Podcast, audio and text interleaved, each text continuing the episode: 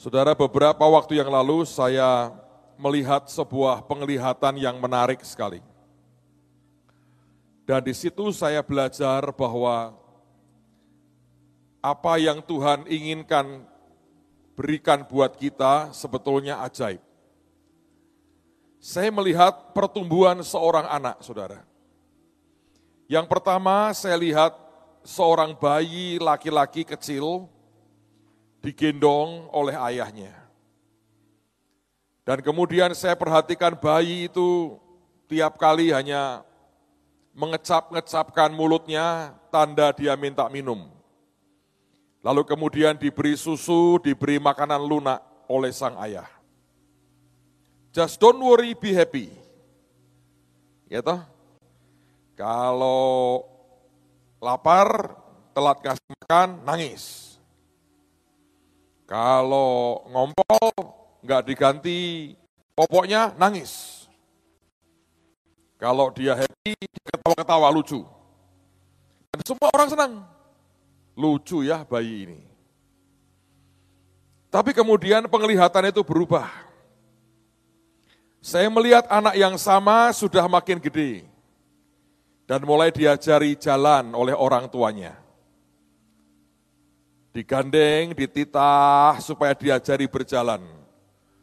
Maka anak ini senang, dia mulai ke sana kemari. Dia lihat dunia yang lebih berbeda. Dan dia mulai makanan, makanan yang lebih bervariasi. Dan Tuhan berkata, lihat dia tumbuh dengan baik. Lalu Tuhan tanya, dia perlu mikir enggak? Enggak. Dia perlu merenungkan Hari depannya enggak? Enggak juga. Apa yang dia perlu? Ya, don't worry, be happy. Pokoknya ketawa-ketawa, kalau dia kepingin apa-apa enggak diberi, ngambek nangis, teriak-teriak. Anak-anak itu sekarang ngerti bagaimana mengintimidasi orang tuanya. Ada yang dengan teori teriak, ada yang nangis, ada yang muntah.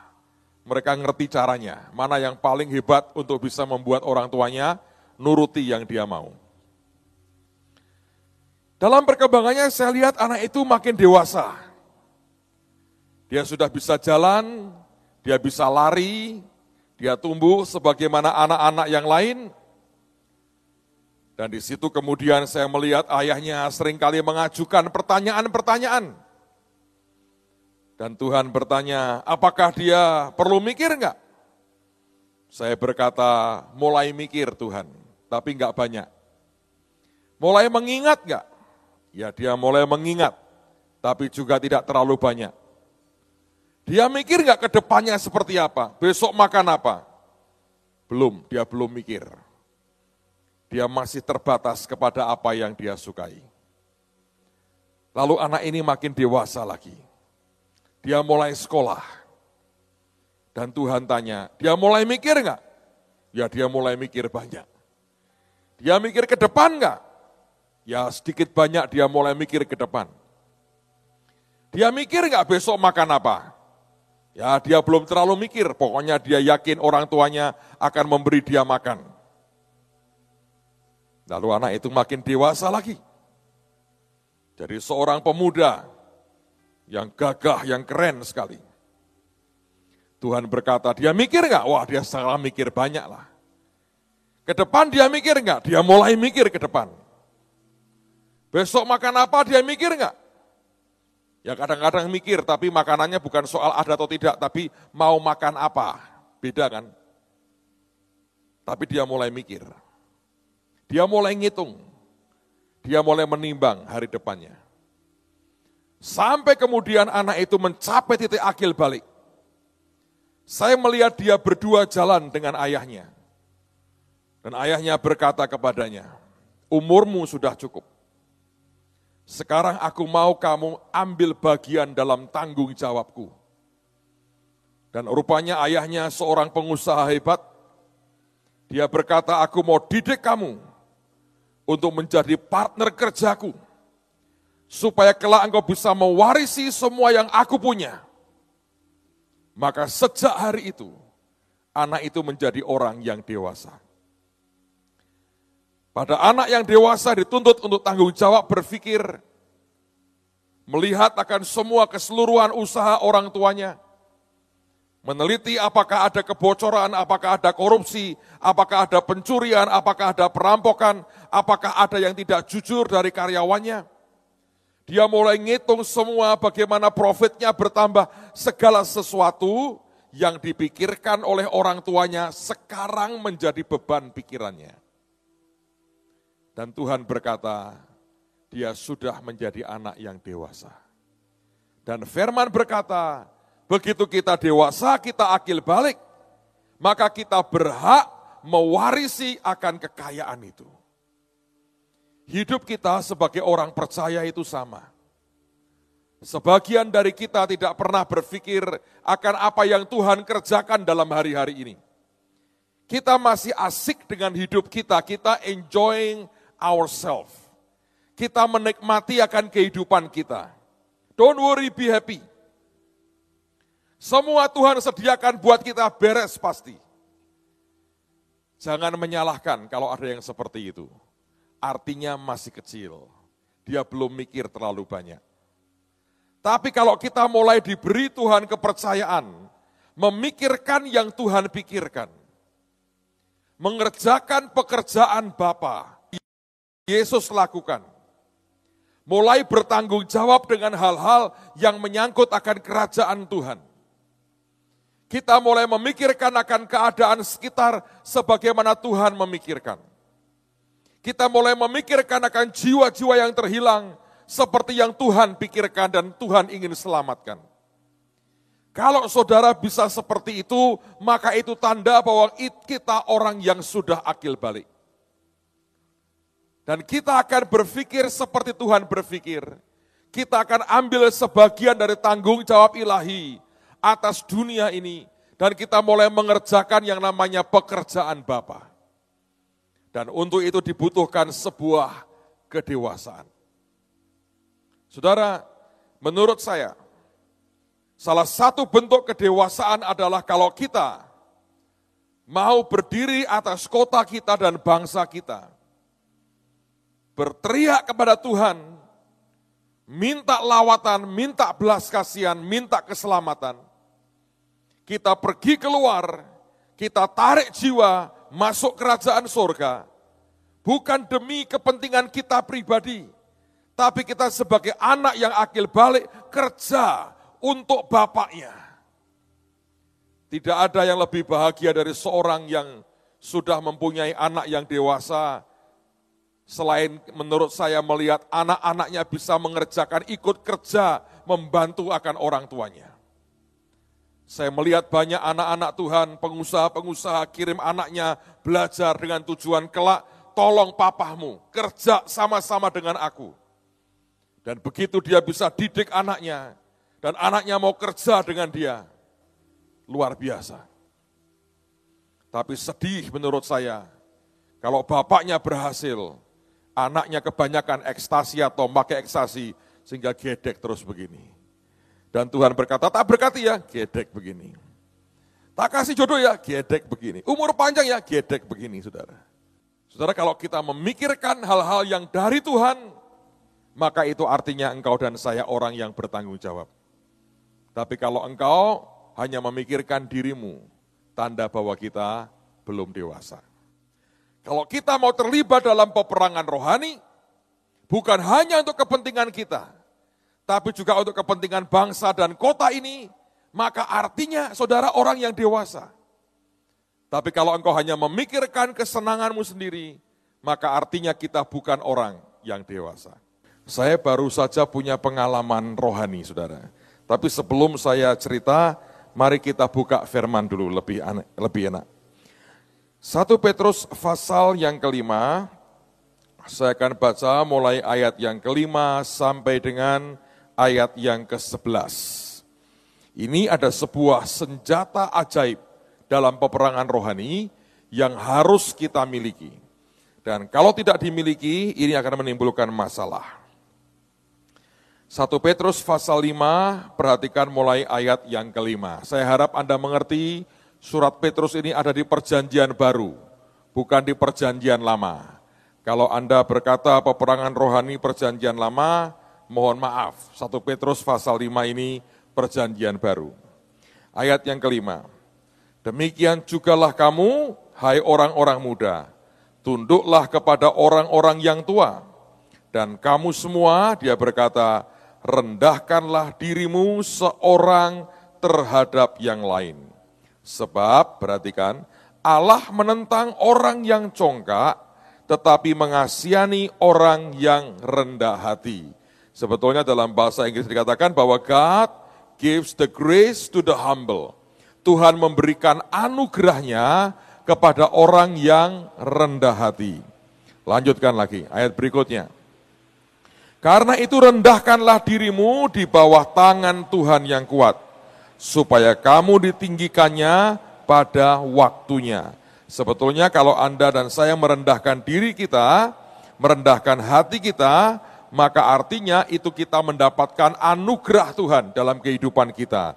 Dan anugerah itulah yang membuat kita ditinggikannya pada waktunya. Segala sesuatu yang kita nikmati dari Tuhan, sebetulnya itu anugerah, itu pemberian yang dari Tuhan. Ayat yang ke-7. Serahkanlah segala kekhawatiranmu kepadanya, sebab ia yang memelihara kamu. Lalu ayat yang ke-8 dikatakan, sadarlah dan berjaga-jagalah. Dalam terjemahan lain dikatakan, biarkan kau berpikir dengan jernih dan waspadalah. Lawanmu si iblis berjalan keliling sama seperti singa yang mengaum dan mencari orang yang dapat ditelannya. Ayat 9, ini ayat peperangan rohani. Lawanlah dia.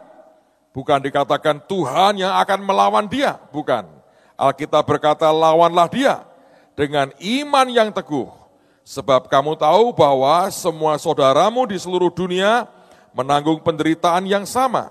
Dan dikatakan, perhatikan, Allah sumber segala kasih karunia dikatakan sebagai Tuhan yang adalah Tuhan dari segala kasih karunia.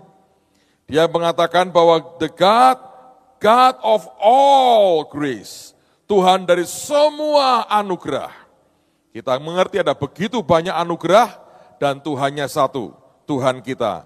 Dia berkata bahwa Allah dari segala anugerah yang telah memanggil kamu dalam Kristus kepada kemuliaannya yang kekal, akan melengkapi, meneguhkan, menguatkan, dan mengokohkan kamu sesudah kamu menderita seketika lamanya. Ialah yang empunya kuasa sampai selama-lamanya. Amin. Saudara sekalian, kalau Anda membaca akan ayat ini, maka sebetulnya kuncinya ada pada anugerah sebetulnya. Nah bagaimana orang itu terima anugerah? Orang itu terima anugerah untuk bisa menang dalam peperangan, untuk mengatasi semua masalah, butuh namanya anugerah. Tapi anugerah itu dapatnya dari mana? Dari sebuah kerendahan hati. Nah, kerendahan hati itu apa? Menurut saya, kalau saya baca di Alkitab, sederhana. Kerendahan hati adalah sebuah kesadaran penuh dalam diri kita bahwa kita ini memang tidak mampu melakukan segala sesuatu kecuali Tuhan memampukan kita. Nah, kalau itu kita sadar nih ya, luar dalam sadar, bahwa sebetulnya aku tidak bisa, tapi Tuhan yang membuat aku bisa. Itu kerendahan hati. Setiap kali kita datang ke Tuhan dengan sikap seperti itu, maka saudara akan diberi Tuhan yang namanya anugerah. Alkitab mengatakan Tuhan memberikan anugerah kepada orang yang rendah hati. Nah rendah hati itu artinya bukan orang yang hanya bungkuk-bungkukkan badannya, tapi orang yang sadar di pikirannya, di perasaannya, di jiwanya, di batinnya. Bahwa sebetulnya kita ini punya begitu banyak ketidakmampuan.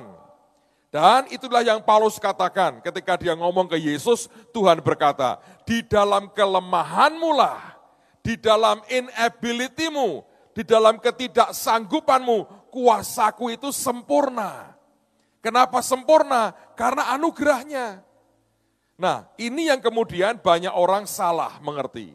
Lalu kita berkata, Pak, kalau semua anugerah, kita nggak usah ngapa-ngapain. Semua kan anugerah, ya itu boleh benar. Kalau Anda seorang bayi, ya toh? Kalau Anda seorang anak kecil, engkau nggak bisa dan belum bisa mampu memikirkan seperti bapakmu memikirkan. Tapi kalau engkau sudah dewasa, engkau berpikirnya lain. Seperti Paulus berkata, semakin aku diberi anugerah, aku kerja makin keras. Kenapa? Karena dia sadar ini semua pemberian, ini Tuhan memberikan kepadaku, ini kepercayaan dia berikan kepadaku, aku tidak boleh mengecewakan dia yang memberiku kepercayaan. Ngerti saudara? Nah anugerah itu sebetulnya adalah Apa pun yang Tuhan kerjakan demi kita dan untuk kita, dan dia berikan dalam kuasanya yang sempurna, dia total berikan dalam kehidupan kita. Nah itu anugerah. Dan sebetulnya semua kita harus hidup di dalam anugerah seperti itu. Karena kalau kita pakai kekuatan kita sendiri, bukan karena anugerah, kita tidak hidup di dalam anugerah. Kita kembali kepada Taurat. Nah, tapi kalau kita hidup dalam anugerah, tidak berarti kita pemalas. Karena Paulus mengatakan, saya ulang lagi, semakin besar anugerah yang dia berikan kepada saya, aku kerja makin keras lagi. Ini seperti beginilah saudara. Anda kalau punya sawah ya, Anda punya cangkul. Dalam satu hari mungkin Anda mencangkul katakanlah seribu meter. Ya, tiba-tiba ada orang memberi Anda traktor. Ya jangan kerja seribu meter. Karena kerja seribu meter mungkin Anda hanya butuh waktu sejam, selesai. Terus yang sekian jam Anda ongkang-ongkang berkata selesai seribu meter. Ya itu bodoh. Traktor itu anugerah. Kalau engkau bisa satu hari tadinya seribu meter dengan cangkul, dengan engkau diberi traktor, hasilkanlah katakanlah dua hektar sehari. Dengan traktormu, jadi anugerah itu juga memampukan kita mendapatkan hasil jauh lebih banyak. Nah kalau kita hanya teriak-teriak anugerah, anugerah, anugerah, tapi nggak ada hasilnya, itu bukan anugerah. Itu menyelewengkan, menyalahgunakan pemberian Tuhan. Itu sungguh-sungguh tidak bertanggung jawab, saudara. Nah kembali sekarang, apa kaitannya Pak peperangan rohani dengan anugerah? Besar sekali. Karena kalau tanpa anugerah kita nggak mungkin menang. Iblis itu sudah hidup ribuan tahun, puluhan ribu tahun mungkin. Nah kita baru berapa tahun, bagaimana mungkin kita bisa menang? Kita mata kita nggak bisa lihat dia, dia bisa lihat kita. Bagaimana kita bisa menang? Hanya anugerahnya yang memungkinkan. Tapi anugerah itu hanya turun kepada orang yang rendah hati. Nah, satu hari Pak Yusak pernah mengalami ini, Pak Yusak loh saudara. Pada waktu itu di rumah dia itu ada setan.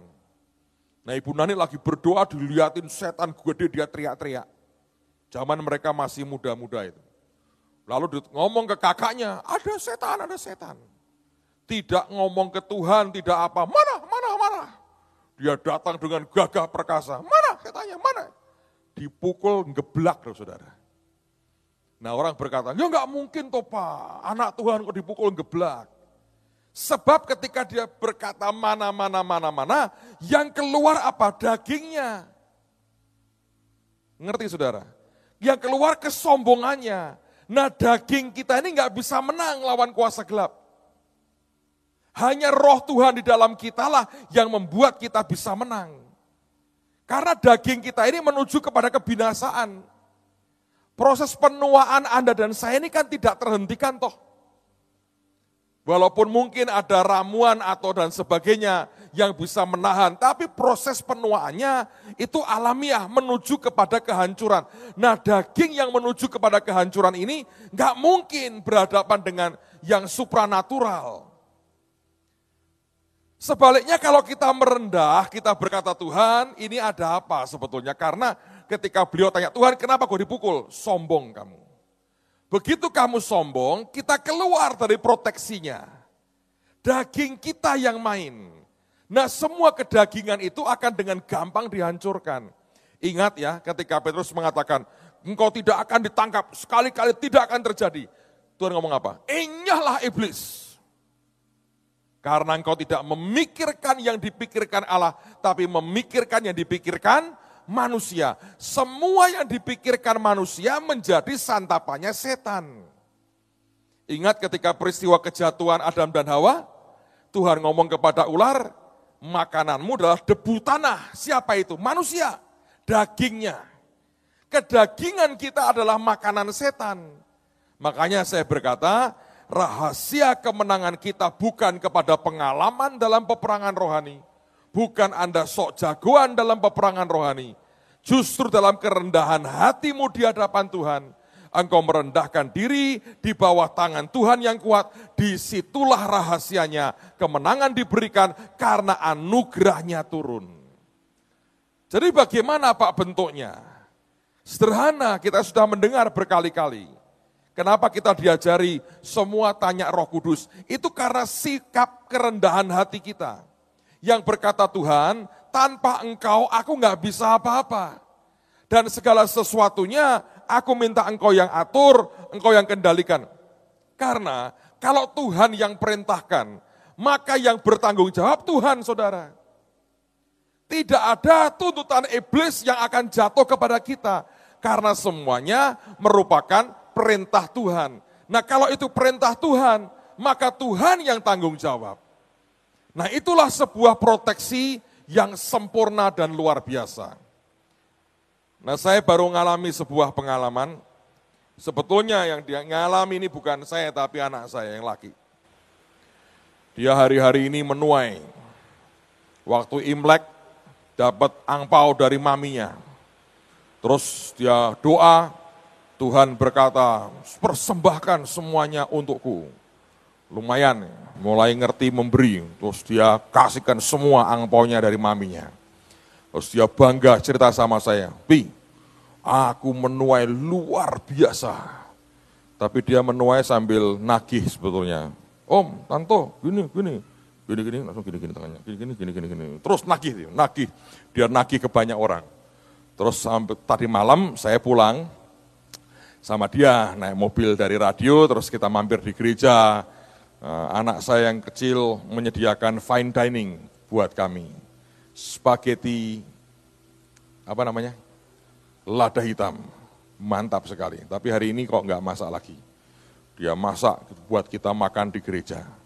Pulang ini saya capek sekali, saya tuh ngantuk sekali saudara. Padahal belum terlalu malam lah. Mungkin badan sudah teriak minta istirahat lah. Saya sampai di rumah, entah apa yang terjadi saudara. Itu uang angponya, malam-malam itu dihitung sama yang punya.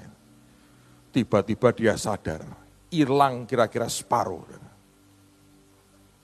Hilang separuh, waduh, haleluya. Mulai saudara, bongkar sana, kok bisa? Amplopnya itu beberapa kosong. Dan keadaannya sudah morat marit, mau nuduh siapa Memang di rumah lagi ada beberapa pembantu baru, saudara. Jadi siapa yang ngambil? Saya sudah nggak kuat, mata saya itu sudah berat sekali. Masuk kamar sudah dingin, AC-nya enak, inilah tinggal tiarap, cus hilang tuh. Sudah capek banget kan saudara? Jadi saya dengar itu, otak saya masih bisa mikir, mata dan badan sudah tidak bisa. Karena terlalu capek. Lalu kemudian saya sambil mau doa nih, kurang kesadaran tinggal 2-3 menit ini saudara. Sebelum terlelap dan masuk dalam dimensi lain, dimensi bantal guling. Saya bilang, Tuhan, piye ini duit hilang. Tuhannya diam saja. Ya wis, tapi menang tak tinggal turu. itu kan. Wah, saya masih dengar dia masih wang, wang, wang, wang, wang, wang, wang, wang. Wah heboh lah, itu hampir perang dunia kelima. Wah, wah, wah, wah, Dalam hati, boh lawang Tuhan diam saja dan saya ngantuk sekali saudara. Belas saya tidur. Saya tidur, terus kemudian pagi saya bangun, dia rupanya gelisah, semalam nggak tidur. Saya bilang ini, itu tanda ya, gue masih moto duiten, saya bilang. Duit hilang gelisah, mungkin banyak temannya di sini itu. Kalau duit pun hilang, wih, wak, wak, wak, wak, bingung saudara. Terus saya bilang begini, piye kok bisa hilang? Nggak tahu, pi. ini di sini nggak ada. Yakin, yakin, cari, nggak ada, nggak ada.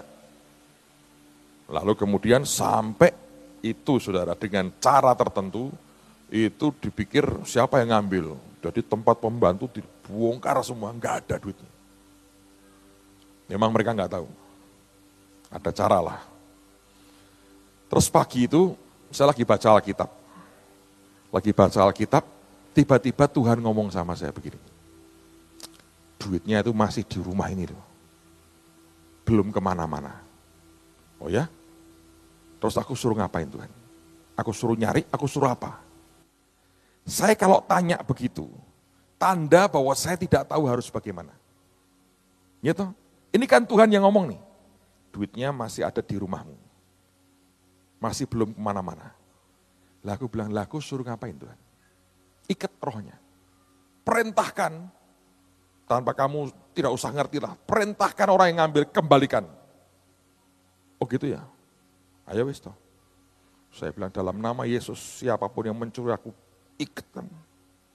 Setan yang maling ikat kuasamu. Saya bilang kembalikan duitnya sekarang. Dalam nama Tuhan Yesus. Amin. Terus ngapain Pak? Lanjutkan baca Alkitab. Baca Alkitab. Soalnya saya ini sudah kalah jauh sama anak saya. Kesia berapa pasal tiap hari? Sepuluh. Sepuluh. Adiknya, bukan yang laki, yang perempuan. Tiga puluh. Tuhan suruh empat puluh pasal. Dia tiap hari tiga puluh pasal. Yang laki tiga ayat kira-kira. Oh lima, oh lima. Sorry, sorry Sam. Tak kira tiga ayat, lima. Luar biasa. Amazing, amazing. Tak kira tiga ayat, saudara. Lanjutkan saya baca firman. Kalah ambil anak, biye pendeta kok kalah ambil anak. Saya baca Alkitab. Tiba-tiba ada satu pembantu masuk. Ngomong ke ketemu sama anak saya. Di mana toh ilangnya? Taruh di sini mbak. Eh, itu pak tak cari. Dia cabut tarik itu tumpuan pakaian. Ditarik. Saya enggak saya enggak menganalisa lebih jauh. Tidak di sini analisanya. Pokoknya dia tarik. Bruh, itu uang berhamburan, saudara. Balik. Bruh. Analisanya nanti tidak usah dipikir masing-masing. Pokoknya yang jelas itu duit balik, saudara. Saya sampai senyum, saya bilang, Yesus itu ampuh tenan. Tapi saya itu dari mana? Oh karena kita bertindak Pak, harus begini tengkingi. Ya gak mikir tuh saya. Baru ketika Tuhan ngomong, saya mudeng. Oh harus dibeginikan. Apakah selalu akan harus begitu caranya? Belum tentu. Dalam kasus tadi pagi itu real sekali. Hanya dalam hitungan 10 seperempat jam kira-kira. Balik dan mukanya cerah lagi. Temu duitnya. Kok bisa begitu? Bukan karena metodenya. Ini jangan salah loh saudara. Bukan karena metodenya. Oh harus begini, harus begini, harus begini. Itu kembali ke Taurat. Tapi kalau kita tanya Tuhan, artinya kita merendahkan diri itu di hadapan Tuhan. Kita berkata, Tuhan aku nggak bisa loh. Tanpa kau tolong aku nggak bisa ini. Makanya saya berkata, Yesus mengatakan gini, di luar aku kamu tidak dapat berbuat apa-apa. Yang harus berhenti itu pekerjaan daging. Semua yang dari manusia kita itu nggak guna. Karena Alkitab mengatakan, no flesh shall glory in the presence of God. Tidak ada kedagingan kita yang akan terima kemuliaan di dalam hadirat Tuhan. Nah saudara hari ini yang saya mau ajak Anda belajar adalah satu faktor ini. Mari kenakan yang namanya kerendahan hati. Alkitab mengatakan, clothe yourself with humility. Ren, pakailah, kenakanlah kerendahan hati. Pakailah jubah kerendahan hati. Bagaimana itu bentuknya? Bukan cuma Anda berkata, saya pakai kerendahan hati. Tapi engkau merendah, engkau sadar tiap kali. Aku nggak bisa Tuhan. Tapi engkau bisa. Ini di luar kesanggupanku Tuhan. Di luar kemampuan manusiaku. Tapi justru aku percaya saat aku tidak berdaya, kuasanya akan sempurna. Saudara setiap kali menghadapi persoalan, saya sungguh ingin melihat ujungnya seperti apa karena menarik. Yang jelas kita pasti menang, tapi prosesnya butuh yang namanya kerendahan hati dalam kehidupan kita. Kalau kita bisa tiap kali ya, merendah di hadapan Tuhan. Dengan apa pun dan sering kali memang Tuhan itu memojokkan kita begitu rupa, sampai kita berkata, Tuhan kalau bukan engkau yang tolongi, tidak bisa. Saya ngalami waktu saya khotbah di Nashville, di tempat Morris Cerulo, malam sebelumnya, sebelum besok khotbah, tidak tahu mesti khotbah apa.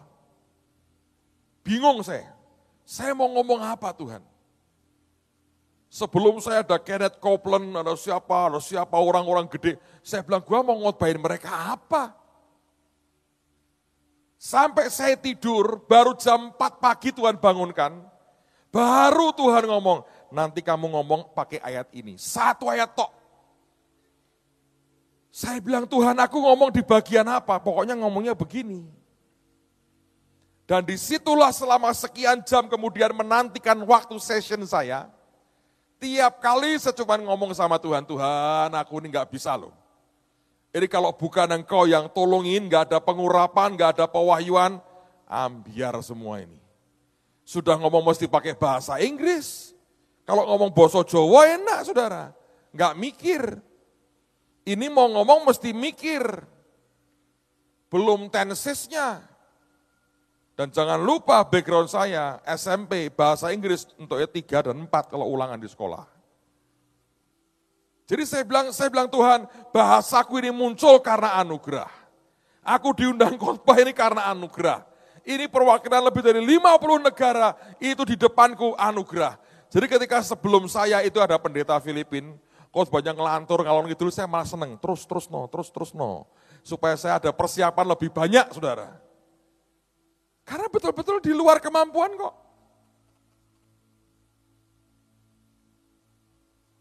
Bahwa kemudian setelah diberikan kesempatan itu Tuhan bekerja, ya itu karena anugerah saya berkata. Bukan karena persiapan, karena dari jam 4 pagi baru Tuhan bicara. Dan seperti apa Pak berkatnya? Saya baru tahu hari ini. Morris Sirulo sudah kontak saya, kamu nanti bicara lagi ya Januari 2013. Saya bilang, wong Januari 2012 ya belum habis kok, sudah minta 2013. Jadi nggak terlalu jelek sebetulnya. Lumayan kan saudara? Dari mana Pak? Anugerah. Tiap kali sadar nih, aku nggak bisa. Makanya saya berkata gini, setiap saat saudara ya, yang paling enak adalah kalau dihadapkan kepada kenyataan, problem yang kita berkata, wah gue gak bisa ini. Begitu itu sudah di luar kemampuan kita, kita berkata Tuhan, hanya engkau yang bisa. Ya sudah tiap hari saya ngomongnya sama Tuhan, Tuhan buat tolongin aku raiso. Kalau engkau nggak tolongin nggak bisa ini Tuhan, nggak bisa ini. Aku tak, saya jabarkan ke dia. Makanya Paulus berkata, aku bermegah dalam kelemahanku. Aku bersuka cita karena kelemahanku. Kenapa?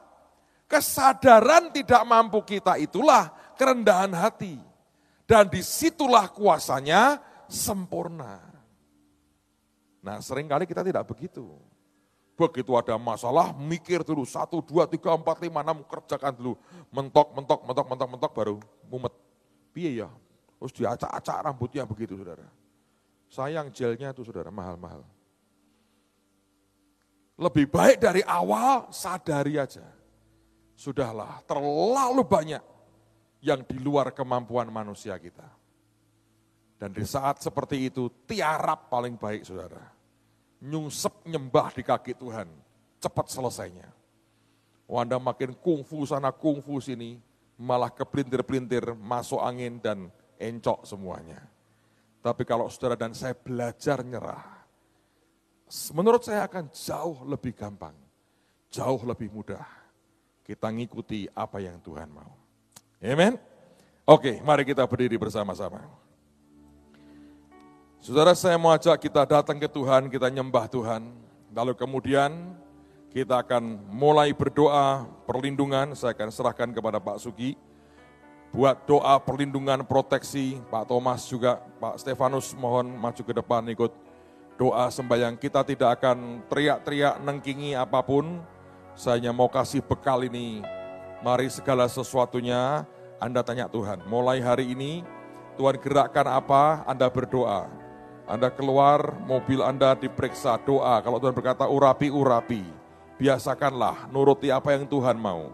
Anda akan lihat bagaimana cara Tuhan akan kerja dalam hidupmu itu akan luar biasa. Ingat tadi yang Pak Budon alami. Itu rohnya diambil, dibawa, ngelihat alam roh. Memang seperti itu keadaannya. Simple, tapi kalau kita kerjakan akan dahsyat. Karena pedang itu adalah firman. Anda perkatakan sesuai firman terjadi sebuah perubahan, penciptaan yang luar biasa. Amen.